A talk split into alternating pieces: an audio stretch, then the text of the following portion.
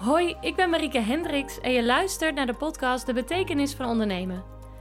Ik ga in gesprek met ondernemers die al dagelijks impact maken. En ik ben heel nieuwsgierig naar hoe ze dat nou eigenlijk doen. Het praktische en strategische aspect, maar ook hoe ze hier gekomen zijn bijvoorbeeld. En handige tips wat je wel, ja, of juist niet moet doen. Zodat ook jij met betekenis kan gaan ondernemen. Nou, welkom Michael. Heel erg leuk dat je er bent. Dankjewel. Een kleine introductie, want jij was hiervoor topsporter in de voetbal, als ik het goed heb. Ja, klopt. En jij ging op je negentiende studeren en direct ondernemen. Ja, dat klopt ook. En um, ik hoop dat ik het goed zeg. Resurface? Ja, in één keer goed. Ja. en vanuit Resurface groeide je door naar, naar jubidoel.com. En daarmee heb je nu al 450.000 euro gedoneerd aan allerlei goede doelen en verschillende projecten. Mm En natuurlijk willen we daar heel veel meer over weten, over Jubidoe. Um, maar ik ben ook heel erg benieuwd naar die periode daarvoor. Kun je toelichten hoe je, daar, ja, hoe je dat allemaal gedaan hebt? Ja, dat is eigenlijk hoe ik tot Jubidoe ben gekomen, zeg maar. Hoe die reis is ontstaan. Ja, nou ja, zoals je zei, ik ben inderdaad uh, jong begonnen gewoon met, met ondernemen. Ik had al snel zoiets van, ik wil ja, mijn eigen route, mijn eigen koers bepalen. En volgens mij kan ik dat het beste doen als ik gewoon ondernemer word. Dus dan, uh, ik ben wel een doener, dus dat deed ik dan ook maar gelijk. En uh, daar heb ik gewoon ontzettend veel geleerd en uh, ook een beetje lopen aankloten natuurlijk. Je bent nog jong en je hebt een bedrijfje. En ik had, voordat ik het wist had ik 30, 40, 50 studenten in dienst. Dus het liep ook af en toe een beetje uit de hand. Dus het was, het was, het was een hele leuke, leerzame tijd. Alleen daar kwam voor mij ook heel snel een nou ja, ik kwam, ik kwam gewoon, ik noem het vaak een T-splitsing in mijn leven. Dus um, mijn uh, huidige compagnon en medeoprichter uh, Bert, die ook een stukje ouder is dan dat ik ben, die gaf me een heel mooi cadeau. Die gaf me een coach cadeau op jonge leeftijd. Die betaalde hij een jaar lang voor mij. En uh, ja, die coach werd voor mij een hele belangrijke sparringspartner. En die stelde op een hele jonge leeftijd, ik was een jaar of 24, die stelde hele vervelende vragen waar ik eigenlijk gewoon nog niet mee bezig was. Ja. Dus dat bracht voor mij gewoon ja, heel veel uh, tot stilstand. En uh, ja, we zijn allemaal mensen, we hebben allemaal onze eigen bubbels en onze eigen rugzakjes en uh, dingen die we meenemen. Ja, en het was toen wel al tijd om daar eens even te kijken, ja, wat zit er nou eigenlijk allemaal in die rugzak en welke bubbels heb ik allemaal gecreëerd om me heen. En nou, toen ik daarmee aan de slag ging, merkte ik eigenlijk bij mezelf een, nou ja, een, een behoefte, een inspiratie, maar ook frustratie over ja, hoe ziet die wereld nou eigenlijk in elkaar? Want ja, als het gewoon even heel plat slaan, volgens mij klopt gewoon geen klote van wat we z'n aan het doen zijn.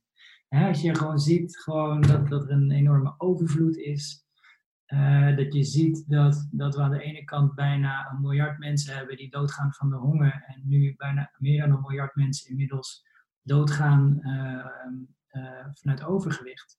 Dan denk ik, ja, daar zit systemisch iets niet helemaal, helemaal goed. Maar dat bedacht je op je 24 stal? Ja, daar was ik wel toen al. Uh, dat, dat waren de vragen die toen wel boven kwamen poppen. Ja. Dus, Zat het er eigenlijk altijd al in?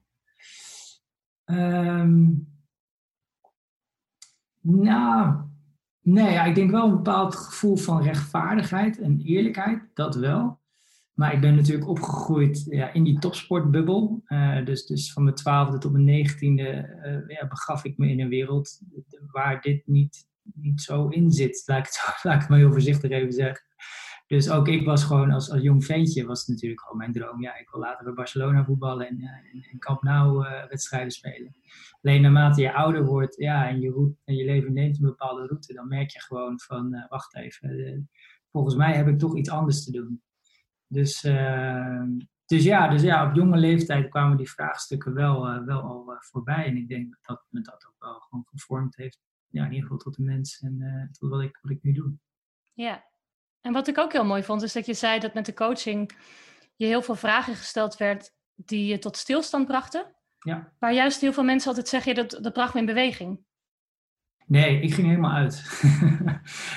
ja, voor mij was het wel uh, redelijk overweldigend, zeg maar. Dus dat, uh, dat, ik, ik kan me wel echt herinneren dat ik wel echt wel, wel eens een dag in mijn badjas met een kop thee uh, een dag uit het raam heb zitten turen. Dat ik dacht van, ja, het is ook een fascinerende vraag natuurlijk. Hè? Dus stel je voor dat we nu inderdaad gewoon met elkaar uitzoomen. Hè? En gewoon even boven de aarde hangen. Gewoon een planeet die hier in het universum zweeft.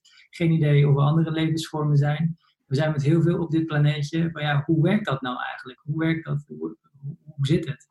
Ja, die vragen vind ik nog steeds fascinerend. Ik heb ook nog niet precies een antwoord op heb. En als ik dat wel heb, ga ik waarschijnlijk een boek schrijven.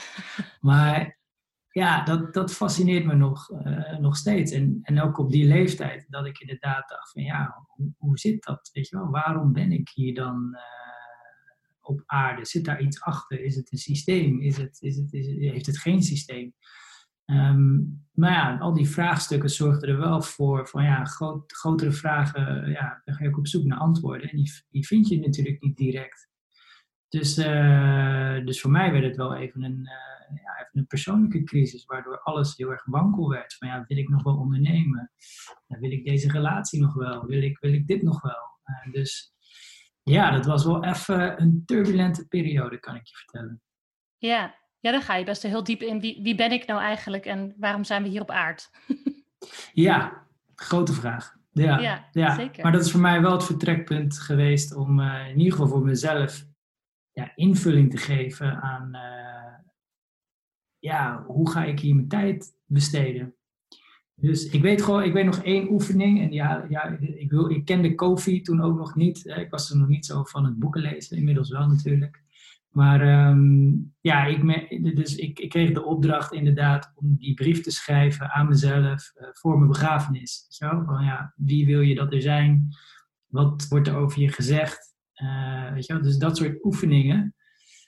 Ja, toen, ja, wat ik me daarin heel erg realiseerde, nog steeds, is dat ik denk het meest kostbare wat we hebben uh, als, als mens, als individu in ieder geval, is, is tijd. Dus ja, hoe besteden we, hoe besteed ik, hoe besteed jij, de, de luisteraar, hoe besteed je je tijd? Want dat is het enige dat we niet terugkrijgen in het leven. Dus ik denk dat dat een hele fundamentele en essentiële vraag is om uh, ja, af en toe bij stil te staan. Want we denderen natuurlijk allemaal keihard door. Dat doe ik ook nog steeds hoor. Maar vaak op de momenten dat je even stilstaat, uh, je rust vindt en pakt, ja, meestal komen dan wel de, de belangrijke dingen naar boven borrelen. Ja, want het boek waar je naar refereerde, dat is de Seven Habits of Highly Effective People, toch? Van Covey. Ja, klopt, ja. ja. Voor iemand die denkt, hé, hey, dat klonk interessant, dat is zeker een aanrader, dat boek. Precies. We hebben in ieder geval boekentip nummer één. Hè? Ja, zeker. nou, prachtig bruggetje. Over Doe dan. Want um, wat is het? Ja, nou ja, eh, eh, eh, wat het is, het, is, het heet officieel een, social enterprise. Dus wij zijn een, een organisatie met een, een sociale missie om dienstbaar te zijn aan, aan mens en aan aarde. Dus dat is het vertrekpunt. En uh, ja, Yubidu is dus eigenlijk wel geboren ook vanuit die frustratie van ja, het systeem klopt niet. Hè? Dus hoe kan het toch zo zijn dat we die overvloed hebben, ook in geld. Um, waarin je ziet dat in het kapitalistische systeem waar we nog in opereren, dat die drang naar winstmaximalisatie eigenlijk leidend is geworden. En dat je ziet dat uh, er eigenlijk maar één doel dient en dat is uh, maximale aandeelhouderswaarde creëren en, uh, en die drang naar winstmaximalisatie natuurlijk. En ja, Bert en ik, wij kregen eigenlijk het idee van ja, als die geldstroom eigenlijk altijd naar boven toe gaat, naar een topje van een piramide, uh, kunnen we een stuk van die geldstroom uh, eraf halen en dat eigenlijk terug laten vloeien naar de mensen die het gewoon het hardste nodig hebben. Dus dat is eigenlijk het, begin en het fundament geweest van UWDO. Van ja, hoe kunnen we geldstromen gaan herverdelen? Systemisch. Um, nou, wat we gedaan hebben, we dachten wel gelijk van ja, dit is een heel idealistisch groot verhaal. Hoe kunnen we het klein behapbaar maken en zodat mensen erin mee kunnen doen? Dat was wel gelijk dat we dachten, ja, dat moet wel gebeuren. Ja, het consumeren, dat is, zit bijna in ons, uh, in ons systeem verweven natuurlijk. Dus we zijn gaan kijken van ja, wat consumeren we allemaal? En we kwamen per ongeluk op de boekenmarkt uit. We zagen twaalf jaar geleden wel in van hé, hey, dat is een interessante markt. Uh, we zagen dat online uh, ging groeien. We, we, we, kwamen er ook achter dat er een wet op de boekprijs is. Dus ieder Nederlandstalig boek heeft dezelfde prijs. En toen dachten we, nou, nu hebben we wel een set in, interessante variabelen die we bij elkaar kunnen, kunnen zetten. Dus we zijn gewoon inderdaad gewoon boeken gaan verkopen, online. Zelfde prijs, zelfde levertijden. Alleen wij laten onze klanten dus projecten van goede doelen over de hele wereld kiezen. En wij doneren tot 12% van het aankoopbedrag. Dus eigenlijk samen met onze community ja, zorgen we voor die herverdeling van geldstromen vanuit de boekmarkt. En daarmee uh, steunen we projecten zoals uh, ja, noodhulp voor vluchtelingen op Lesbos. We hebben medicatieprojecten kunnen financieren voor kinderen die besmet zijn met malaria. Maar we financieren ook onderwijsprojecten in achterstandswijken in Nederland. Dus het is heel divers. En uh, ja, het mooie is dat we, ja, de, de, normaal is dat degene die, die betaalt, bepaalt. En wij hebben die macht eigenlijk gescheiden. Wij hebben gezegd van nee, wij betalen het. Maar onze kopers kiezen waar het naartoe gaat. Dus of ik een boek haal bij bol.com of bij de Bruna of bij jullie. Het is allemaal hetzelfde, behalve dan dat jullie er iets heel moois mee doen. Precies, ja. Onze filosofie is daarin ook dat ieder boek wat bij ons uh, de deur uit vertrekt, zorgt voor een positief rimpeleffect ergens anders in de wereld of in, in, zelfs in, in het leven van andere mensen. Ja. ja. Ja. Ja, het is gewoon geen reden waarom je niet een boek bij jullie zou kopen als je het zo hoort. ja, dat zeg ik ook altijd. ja. Ja. En waar zit jullie markt over namelijk? Is het de zakelijke markt? Zijn het de particulieren? Ja, ja, dus wij zijn ooit begonnen in de consumentenmarkt, maar we kwamen er uh, met heel veel uh, vallen en opstaan ook achter dat die zakelijke markt voor ons een stuk interessanter is, zeker in de, in de opstartfase. Dus wij, wij hebben inderdaad hele mooie klanten zoals de NS, ABN AMRO, op, opleidingsinstituten, ziekenhuizen, dus waar gewoon ja, grotere boekenstromen doorheen gaan. Dat, dat zijn voor ons hele interessante uh, bedrijven. Maar ook MKB-bedrijven, consultancy. Um, ja, gelukkig lezen we veel met elkaar in Nederland. Dus daar zit, uh, daar zit voor ons wel de markt. En ik denk dat ongeveer zo 10, 15 procent inmiddels wel consumenten zijn. Dus die bedienen we ook. En dat groeit gewoon ook wel organisch bij ons. Maar onze focus ligt op dit moment wel op de zakelijke markt. En vroeger toen jullie begonnen, uh, ik had gelezen dat jullie toen ook, of jij in ieder geval, de combinatie maakte van een Jubidoo, maar ook een gewone baan. Ja, ik heb na, naast Reservice heb ik, uh, heb ik Jubidoo eigenlijk opgestart. Dus ik ben begonnen met, uh, met Reservice. op een gegeven moment dacht ik, nou dat, dat is het niet alleen. Uh, kwam toen eigenlijk tot leven. Ik heb toen heel lang, heb ik het, uh, de eerste denk ik drie, vier jaar, heb ik het erbij gedaan. Want ik financierde uh, samen met mijn compagnon, we financierden het zelf. Dus het geld wat ik verdiende bij het een, dat stak ik gelijk in Yubido. Ja, dat, ging zo. En nou, er moet ook nog brood op de plank komen natuurlijk. Dus dat was ook best wel een spannende tijd. Um, en uiteindelijk heb ik na een jaar of vijf, denk ik, vier heb ik echt een sprong gemaakt naar fulltime Yubidu. En dat kwam omdat ik ja, mijn andere bedrijf voelde als meer als, uh, nou ik zou niet zeggen gedoe, maar dat ik dacht van ja, waar, ja, waar ben ik mee bezig? Weet je wel, het zijn uh, leuke klanten hoor en offertes en... Uh, en bij Jubidoo ging het gewoon altijd vanzelf. Dat was echt, eh, dat was plezier. En eh, overal waar ik kwam en vertelde ja, waar we in geloofden en wat we aan het doen waren. Ik, kreeg altijd spontaan hulp en ik mocht iedereen bellen. En dat voelde niet als een bedrijf runnen. Dat voelde echt gewoon als, ja, als een missie, weet je wel. Dat je echt denkt van, ja, we, we gingen altijd stuiterend gingen we, gingen we weg van gesprekken. En dat herkende ik niet bij, bij mijn andere bedrijf. Dat, uh, en toen ben ik op reis gegaan naar Nepal. En daar realiseerde ik me, toen ik ook projecten van Jubidoo aan het bezoeken was, hè, dat ik zag van, hé, hey, onze impact op hele kleine schaal, dat werkt. Toen merkte ik van, uh, ja, maar dit moet ik gewoon elke dag doen. Want uh, ja, dit half-half, dat, dat schiet niet op. En als stel dat het dadelijk niet lukt, dat, ja, dat vergeef ik mezelf nooit. Dus ja, dus toen ik terugkwam, ook maar gelijk mijn andere bedrijf eh, van de hand gedaan. Uh, verkocht, overgedragen en uh, toen volle bak op wiel gegaan. Ja. Dat klinkt wel alsof je het eerst redelijk op safe speelde, maar dat je er op een gegeven moment ook echt insprong. Zo van, nou, en nu is het klaar, nu moet het ook gewoon. Ja, nu moet het, ja. Ja, want je bent, hè, ik was ook inmiddels ietsjes ouder natuurlijk. En uh, ja, dan heb je in één keer een hypotheek en uh, dan heb je verplichtingen. En dan denk je, ja, hoe gaan we dat doen? Um, maar toen in Nepal, ja, ik voelde het gewoon. En uh, ja, ik wist ook van, ja, inkomen technisch gaat het wel even heel wat betekenen. Want ik ga waarschijnlijk komend jaar, misschien wel langer, gewoon alleen het minimumloon verdienen. Maar uh, nou, gelukkig heb ik ook een hele lieve, mooie vriendin die mij uh, ook uh, daarin support. En we ook hebben gezegd, ja, weet je, het geld is, is niet leidend in het maken van onze keuzes. Dus, ehm, dus ik heb toen maar de sprong gewaagd. Ja. Maar intussen zijn jullie super gegroeid. Ja, zeker. Ja, ja. ja we, zijn, we zijn wel een aantal maatjes groter geworden. Dat zeker. Ja. Dus uh, ja, en dat is ook gewoon een heel mooi proces. Hè. Je begint met, eh, met de eerste medewerker. En er komen een aantal uh, komen erbij. En het gaat echt niet in één lijn zo. Het gaat echt in, in golfbewegingen, kan ik je vertellen. En ook zeker de beginjaren is het ook echt pionieren. Want het, sociaal ondernemen is fantastisch. Ik denk ook dat de sociaal ondernemers de brug zijn tussen, tussen het oude en het nieuwe. maar het is ook pionieren om het wel ja, om het wel uh, goed werkend te krijgen. Hè? Want ik zeg altijd, het, het, goed doen snijdt altijd ergens in, in de zakelijke marge.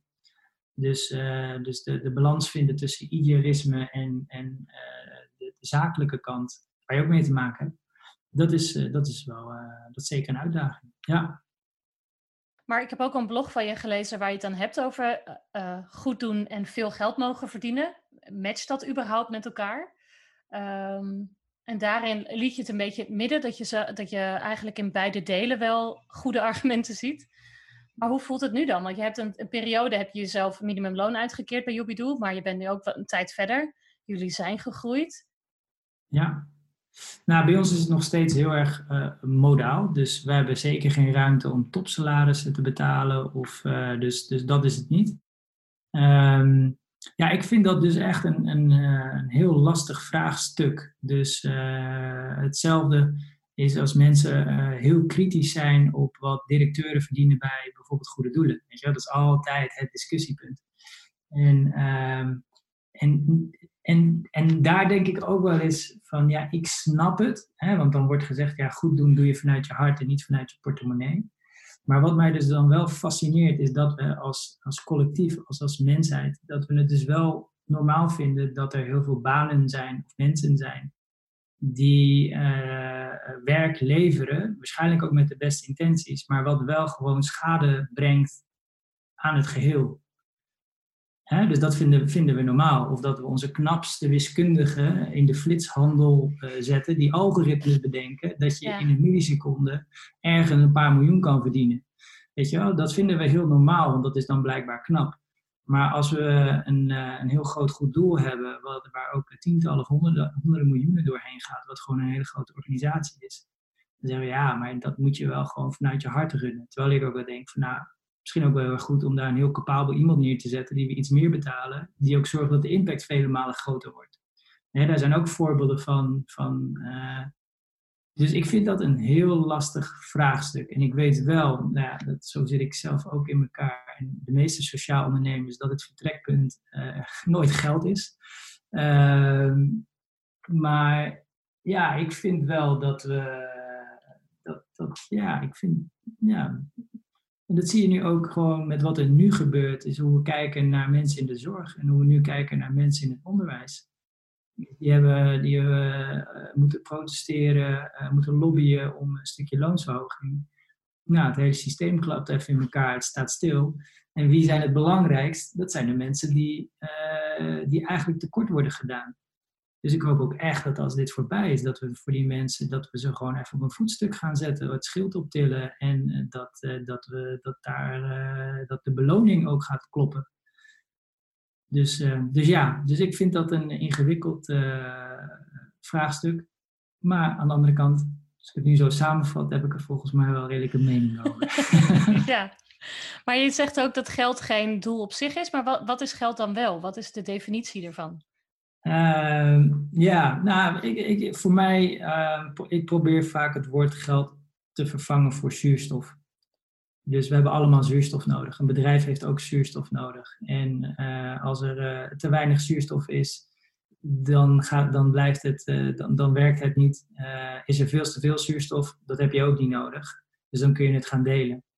Dus, dus daar zit voor mij wel ja, een soort van de, de metafoor van uh, geld kan nooit het einddoel zijn. Volgens mij is het gewoon altijd een middel om, om iets te bereiken. Ja, ja, ik ben het. Dat is natuurlijk een beetje preken voor eigen parochie. Daar ben ik het wel mee eens. Ik denk dat de mensen die hier naar luisteren daar ook wel een basis in zullen vinden, waar ze het in ieder geval mee eens zijn. Maar we zitten ook nog in die verandering van het oude naar het nieuwe. Jij haalt het al aan. Hoe zie jij die nieuwe wereld dan? Wat is dat? Ja, nou, dat, dat, dat is natuurlijk wel een, eh, een spannend stukje nu van wat, eh, wat, wat gaat er nu gebeuren. Dus um, ik heb toevallig, het boek ligt ook hier, het boekentip nummer 2 trouwens, ik zal het ook even laten zien, Anders Verder. Ik heb uh, ook zelf een stukje mogen schrijven en 24 andere schrijvers over ja, hoe gaan we verder na corona.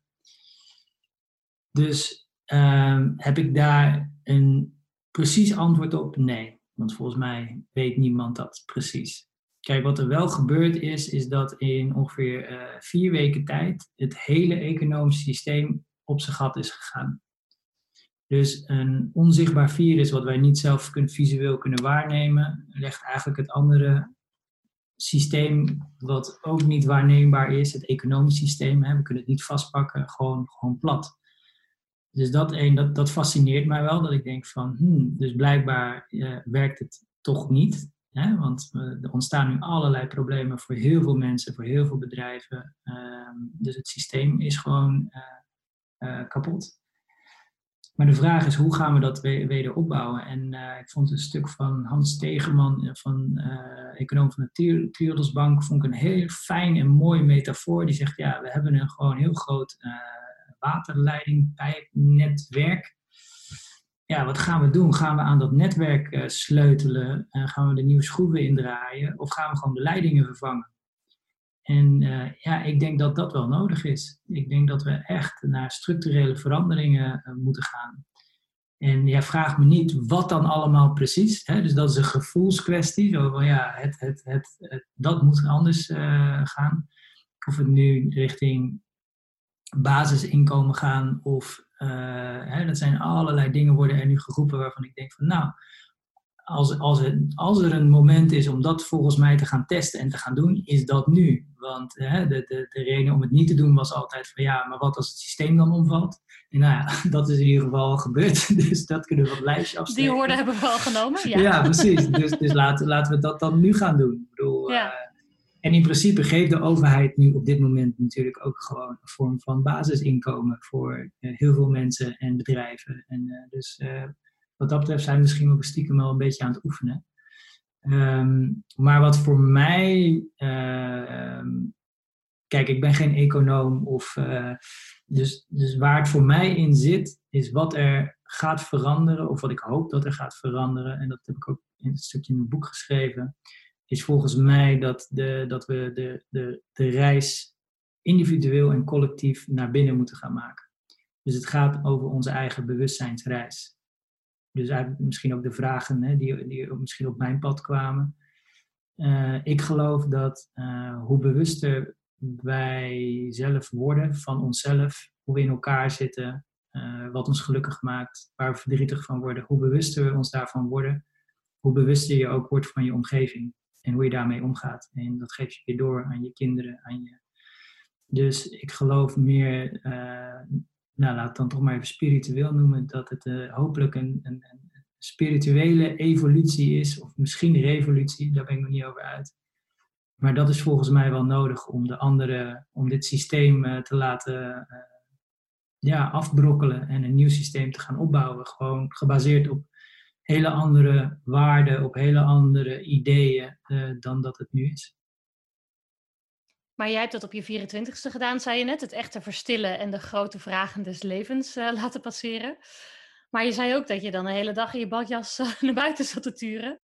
Ja. Het is natuurlijk best een, een spannende reis, die reis naar binnen. Het is een reis die heel veel mensen niet willen nemen, bewust of onbewust.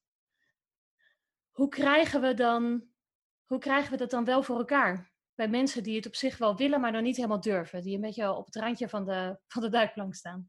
Ja, ja goede vraag. Uh, ik denk stap voor stap. Ik bedoel, de persoon kan pas de stap zetten als hij er ook echt uh, aan, toe is. En uh, dat is een mooie, mooie zin. En oh, ik, heb, ik las hem vanmorgen, van verandering vindt pas plaats als, de, als het verlangen naar groter is dan het de naar de angst. Iets in, dus, dus er moet intrinsiek moet er iets gebeuren waardoor je voelt van ja, maar dit niet meer. En je ziet vaak dat het voor heel veel mensen dat het gebeurt, of ook wel als er iets ergs gebeurt. Hè, van je, je kan ziek worden, er overlijdt iemand, je raakt je baan kwijt, je, weet je, een bepaalde crisis. Uh, ja, dat zorgt natuurlijk altijd wel voor van oké, maar nu wil ik het anders. Hè? Dus de vraag is natuurlijk, ja, wanneer komen mensen in beweging? Dat is natuurlijk een, een hele interessante uh, vraag. En uh, ja, soms is daar iets voor nodig. En soms is het gewoon net even een filmpje wat je ziet, een boek wat je leest, wat, wat, wat, wat je in beweging brengt. Maar ik geloof wel dat die reis naar binnen, dus dat noemt het, Eckhart Tolle noemt het ook het consciousness awakening. Ik denk, ik denk dat, dat dat enorm gaat bijdragen aan hoe we het nieuwe systeem met elkaar gaan, gaan, gaan designen. Ja. Dus Mark Rutte op een mindfulness cursus. Nou, nou hij komt over het algemeen wel vrij mindful uh, over. Zeker. Maar uh, misschien krijgt hij wel nog betere en mooiere inzichten hoe het, uh, hoe het anders kan. Ja. Dus ja. Ja, ik merk wat ik altijd lastig vind, is dat we ook nu zien we een hele grote groep mensen die wel anders willen. Of die ook zeggen dat ze het niet eens zijn met het systeem. Of nou, we staan op een kruising en het moet beter. Maar dat ook iedereen dan een beetje om zich heen kijkt en zoekt van ja, oké, wie neemt de leiding en wie gaat er als eerste, dan wil ik daar wel achteraan. En ik merk nu wel dat er ook heel veel dingen ontstaan die juist van, um, ja, vanuit de gewone mens, zeg maar, ontwikkeld worden. En dat er nu heel veel mensen samenkomen die zeggen van ja, oké, alle systemen liggen op een gat. Nou, dan doen wij het wel als de overheid op zich laat wachten. Ja, ik denk ook dat het lokaal activisme, ik denk dat dat uh, iets super belangrijks uh, aan het. Het is al belangrijk, maar dat het nog belangrijker gaat worden. Dus ja, gaan, blijven, we, blijven we wachten totdat er voor ons besloten wordt hoe en welke kant we op gaan? Of uh, krijg je die grassroots ontwikkelingen dat mensen dan zeggen van ja, als het systeem niet werkt en ook niet voor mij werkt, ja, weet je wat, dan gaan we het zelf wel doen dus dat is nu ook, dat is ook een spanningsveld wat nu gaat, uh, gaat ontstaan. Dus, uh, en ik denk dat je in iedere beweging heb je verschillende soorten mensen nodig. Kijk, je hebt niet alleen maar leiders nodig. Mensen zeggen, hey, kom, die kant, daar gaan we naartoe. Hè, dat is een mix van mensen met, met ja, ik denk wel gedeelde idealen. Dus ik denk dat we die idealen helder moeten hebben. en krijgen. Van, ja, wat, wat willen we dan eigenlijk en hoe, hoe zou het er dan uit kunnen komen te zien. Dus, dus kijk, en dat, is, en dat vraagt denk ik ook weer, ja, misschien een vorm van creativiteit. Is we hebben het, we hebben het heel weinig met elkaar over hoe die ideale wereld er dan uitziet. dus we, kunnen heel vaak wel zeggen wat er, wat er nu verkeerd is aan dit huidige systeem. Maar als je dan vraagt van ja, hoe zou je het dan willen? Ja, dat is, dat is best wel een lastige vraag. Maar ja, daar voorstellingsvermogen voor, voor, van, voor creëren, zeg maar, met elkaar. Ik denk dat dat wel belangrijk is. En jij werkt natuurlijk met Yubido zelf aan die betere wereld met, jou, uh, met jouw bedrijf en ondernemerschap. Maar welke betekenis geef je dan aan het ondernemen? Nou, ik denk, uh, ik denk een nieuwe betekenis. Dus uh, kijk, ons, ons vertrekpunt is, is, is, die, is eigenlijk heel erg dienstbaar zijn. Dus ons bedrijf is in dienst van de mensheid en de aarde. Dat staat voorop. En um, dat we daarmee ook een geldstroom creëren die we kunnen delen. Dat we een geldstroom creëren waar we salarissen van kunnen betalen. Waar, waar ik en mijn gezin van kan eten. Dat is, dat is natuurlijk fantastisch. Dat is een mooie bijkomstigheid. Maar het vertrekpunt is, is dat wij uh, ondernemerschap, uh, het bedrijf echt zien als vertrekpunt is dienstbaar zijn. En um, ja, ik denk dat dat een wezenlijk verschil is. En natuurlijk, hè, heel veel bedrijven hebben allerlei verschillende soorten, soorten functies. En ik denk dat heel veel bedrijven van hun oorspronkelijke kern verwijderd zijn geraakt. En waar in één keer de spreadsheet-modellen en uh, inderdaad, die, die aandeelhoudersvergaderingen en uh, de, de, het, genereren van nog meer geld, dat dat, ja, dat we daarin zijn, zijn doorgeslagen. En dat je ziet dat dat dus grip krijgt ja, op het hele systeem. Waardoor mensen ja, een nummertje worden op een, op een balans. Ehm, waardoor we uh, allerlei regels aan onze laars lappen om, om, om, om de natuur te vernietigen of, of iets te lozen. Dat we allerlei hele complexe constructies bedenken om zo min mogelijk belasting te betalen.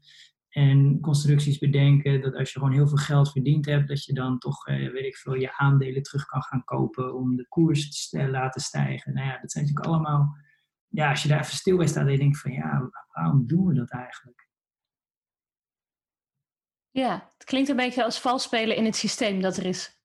Ja, het is, het is, het is continu de, de, de randjes opzoeken van wat, wat wettelijk juridisch in, in onze mensentaal is vastgelegd van wat wel en wat niet mag. En volgens mij gaat het holistisch gezien gewoon ja, veel verder dan dat. Want uh, ja, er zijn ook allerlei wetten die we niet hebben vastgelegd. Hè? Dus ja, hoe, hoe, hoe ga je met je personeel om? Hoe, hoe, welke impact heeft jouw bedrijf op de natuur? Um, ja, staan we daar wel genoeg bij stil, ja of nee? En als er nu iemand luistert die denkt van uh, shit, hij omschrijft net mijn bedrijf en dat is juist dan het, het spreadsheet model. En ik wil juist veel liever naar een bedrijf gaan wat richting social enterprise gaat, dat de eerste stappen gaat zetten naar het helpen van het systeem in plaats van het tornen eraan. Wat, uh, waar kan iemand beginnen? Hoe doe je zoiets? Nou, ik zou hem allereerst feliciteren met het inzicht dat hij dat, dat, hij dat wil gaan doen. Dus, en, en ook geen oordeel, weet je wel. Dus dat vind ik ook altijd, uh, dat is een beetje de voorzichtigheid in mij, dat ik, uh, dat ik oordeelloos probeer, uh, nou ja, dingen probeer te delen. Maar als iemand het gevoel heeft van, hé, hey, ik, ik zit dan even in dat spreadsheet-bedrijf en is dit het wel? Dat is dan eigenlijk een, echt een hele belangrijke vraag. Want dat betekent dat je iets mist. Dat betekent dat, je, dat er een puzzelstukje ontbreekt. Dat je ergens er blijkbaar dus toch niet helemaal gelukkig van wordt. Of dat je inziet dat je bedrijf toch iets meer, misschien iets meer uh, ja, uh, schade brengt dan dat het, dat het, dat het iets, iets, iets, iets brengt of iets oplevert. En dat is eigenlijk waar we net ook over hadden, is denk ik het vertrekpunt voor de reis naar binnen. Dus dan is de vraag van, hey, waarom ben je dit bedrijf eigenlijk ooit begonnen? Ik kan me haast niet voorstellen dat er een ondernemer is die zijn bedrijf begint door te zeggen van, ik ga dit doen zodat ik zoveel mogelijk geld kan verdienen. Er zijn er volgens mij maar heel weinig. Nou. Nee, ik geloof, ik geloof, dat, ik geloof dat een ondernemer die ziet iets, die voelt iets van, hey, dit kan anders, dit kan beter. Dat, weet je wel? Dat, en, en dat dan heel snel bij komt van oké, want dan kan ik ook heel veel geld verdienen. Dat geloof ik wel. Maar ik geloof wel dat, dat er ergens een bepaalde betekenis zit. En um, ik denk wel dat als je dus. Het is ook wel de vraag vanuit, vanaf, vanuit welk. Uh, hoe zou ik dit omschrijven? Uh, vanuit, vanaf waar start je? Met, met je bedrijf. Hè? Ook in je eigen, noem het dan even je eigen bewustzijnsontwikkeling. Vanaf welk moment begin je je bedrijf? En ik kan me wel voorstellen dat als je dus vastloopt en zegt ik wil meer betekenis geven, dat dan eigenlijk de tijd rijp is om gewoon uh, echt vooral met jezelf aan de slag te gaan. En inderdaad misschien de vragen te stellen van ja, maar hoe wil ik dan mijn tijd uh, besteden op de tijd dat ik hier op aarde ben? En uh, welke skills en talenten heb ik? En wat kan ik eigenlijk met mijn bedrijf betekenen voor mijn omgeving? Of misschien wel gewoon alleen voor je, voor je collega's of voor je werknemers. Dus dat is denk ik voor iedere ondernemer, ja, die, die kan daar op een eigen manier invulling aan gaan geven. En ik hoorde jou ook uh, ergens zeggen dat je met Jubidoe een wereldwijd platform wil gaan bieden. Ja, dat is wel de droom, uiteindelijk, ja. Wil je daar meer over vertellen? Is het dan wereldwijd boeken verkopen of is het wereldwijd iets anders? Um, dat laat ik nog even in het midden. um, Weet ja, jij kijk, het wel? Of, uh... Ja, ja, ja, nou ja ideeën zijn er altijd ja, natuurlijk. Okay, dus ja, dat, uh, dus, uh, ja, ideeën genoeg. Dus dat is, dat is het probleem niet. Nee. Nou ja, kijk, wat, ik, wat mij fantastisch lijkt, is dat um, het mechanisme wat we, wat we gecreëerd hebben, dat dat internationaal natuurlijk hopelijk ook gewoon kan gaan werken. Dus ja, er zijn in andere landen ook wetten op de boekprijs. Dus uh, kijk, ons doel is onze impact ja, te vergroten. Uh, dus als we dat internationaal kunnen doen, ja, dat lijkt me fantastisch. ja, om dat dan zo op zo'n manier verder op te schalen. Maar goed, heel eerlijk, daar zijn we ook nog niet. We hebben ook eerst nog wel wat uitdagingen gewoon in Nederland. Maar uh, ja, ik denk dat het wel goed is om te blijven dromen natuurlijk. Zeker. Ja, en dan uh, ben ik aanbeland bij mijn laatste vraag. En dat is, welke waarheid spreek je tegen? Mijn eigen waarheid. Oké. Okay. Vertel. Ja, nou, ik, uh, je vroeg ook om, om een boekentip. Uh, dus ik noemde, uh, ja, in het Engels is het The Untethered Soul. In, in het Nederlands ben ik even uh, Geluk zonder voorwaarden. Dat boek heb ik inmiddels twee keer gelezen. Ik lees niet vaak twee keer de, dezelfde boeken. En dat gaat over um, hoe onze gedachten werken. Dus um, en dat koppel ik dan ook even uh, aan het stukje wat ik zelf heb geschreven. Is, ooit kwam ik een kwantumfysica professor tegen en die vertelde over, over de grootste uitdaging in de mensheid. En nou, dat was nog uh, voor corona, maar waarschijnlijk had hij corona ook niet genoemd. Hij zei de grootste uitdaging die we hebben als mensheid is, uh, zijn onze gedachten. Als je gewoon een lijn tekent van de hoeveelheid informatie die onze hersenen moeten gaan verwerken, dat is, dat is de afgelopen 10, 15 jaar bizar toegenomen. En uh, alles wat we binnenkrijgen uh, zorgt ook weer voor een gedachte. En het aantal gedachten neemt gewoon heel veel toe. En ik weet niet hoe het met jou is, maar het is maar net welke gemoedstoestand je bent, uh, welke gedachten er ook heel veel voorbij komen. En nou, als we dan toch ook over die reis naar binnen hebben, dat, dat, dat gaat wel samen natuurlijk. Dus ook ik heb allerlei gedachten uh, die soms een waarheid verkondigen die gewoon niet waar is. En dat is wel, denk ik, uh, ja, hè? dus, dus uh, als je gewoon, uh, in principe zijn er gewoon 7 miljard werelden, want iedereen kijkt door zijn eigen bril, heeft zijn eigen stemmetjes iets vertellen wat, wat waar is of wat, wat we denken dat niet waar is. En dan geven we zelf gehoor aan, dan geven we energie aan en dan geven we onze stem aan.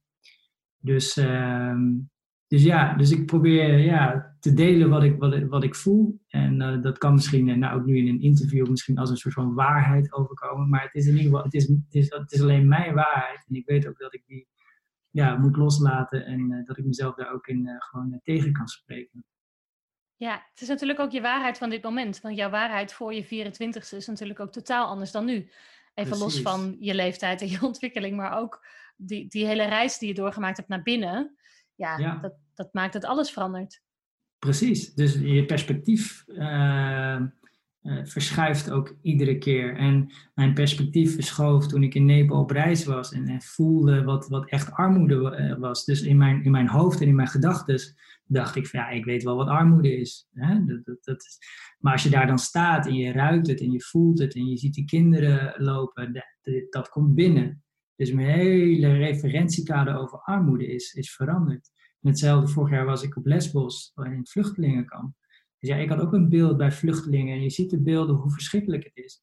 Totdat je daar midden in het kamp staat. Ja, dan verandert je perspectief totaal. Dus um, ja, en daar komen weer allerlei nieuwe gedachten bij en nieuwe waarheden waar je weer mee aan de slag gaat. Dus ja, dus dat vind ik eigenlijk. Uh, ja, dat is iets wat mij vooral de laatste tijd fascineert, inderdaad. Ja, hoe werkt dat? En uh, ja, hoe helpt mij dat, jou dat, anderen dat met, met uh, ja, die reis naar binnen? Dat is wel een, uh, volgens mij een, een, een belangrijk aandachtspunt in deze tijd. Ja, zeker. Nou, mooi. Ik, uh, ik zal de boekentips even op een rijtje zetten bij deze, bij deze Hartstikke goed. Hartstikke goed. en voor iedereen natuurlijk de oproep om alle boeken voor deze zomervakantie die iedereen heeft in de achtertuin, vooral bij Jobbidoo te bestellen. Nou, dankjewel. en als bedrijf zijnde alles, alles, uh, alles naar jullie toe. Want hoe makkelijk is het om de wereld te helpen op deze manier? Het is een kleine, een, een, kleine moeite, een klein gebaar met een, met, met een mooi rimpel-effect, een positief rimpel-effect. Ja. Nou, top. Dankjewel voor vandaag. Heel graag gedaan. Tot, uh, tot de volgende keer weer.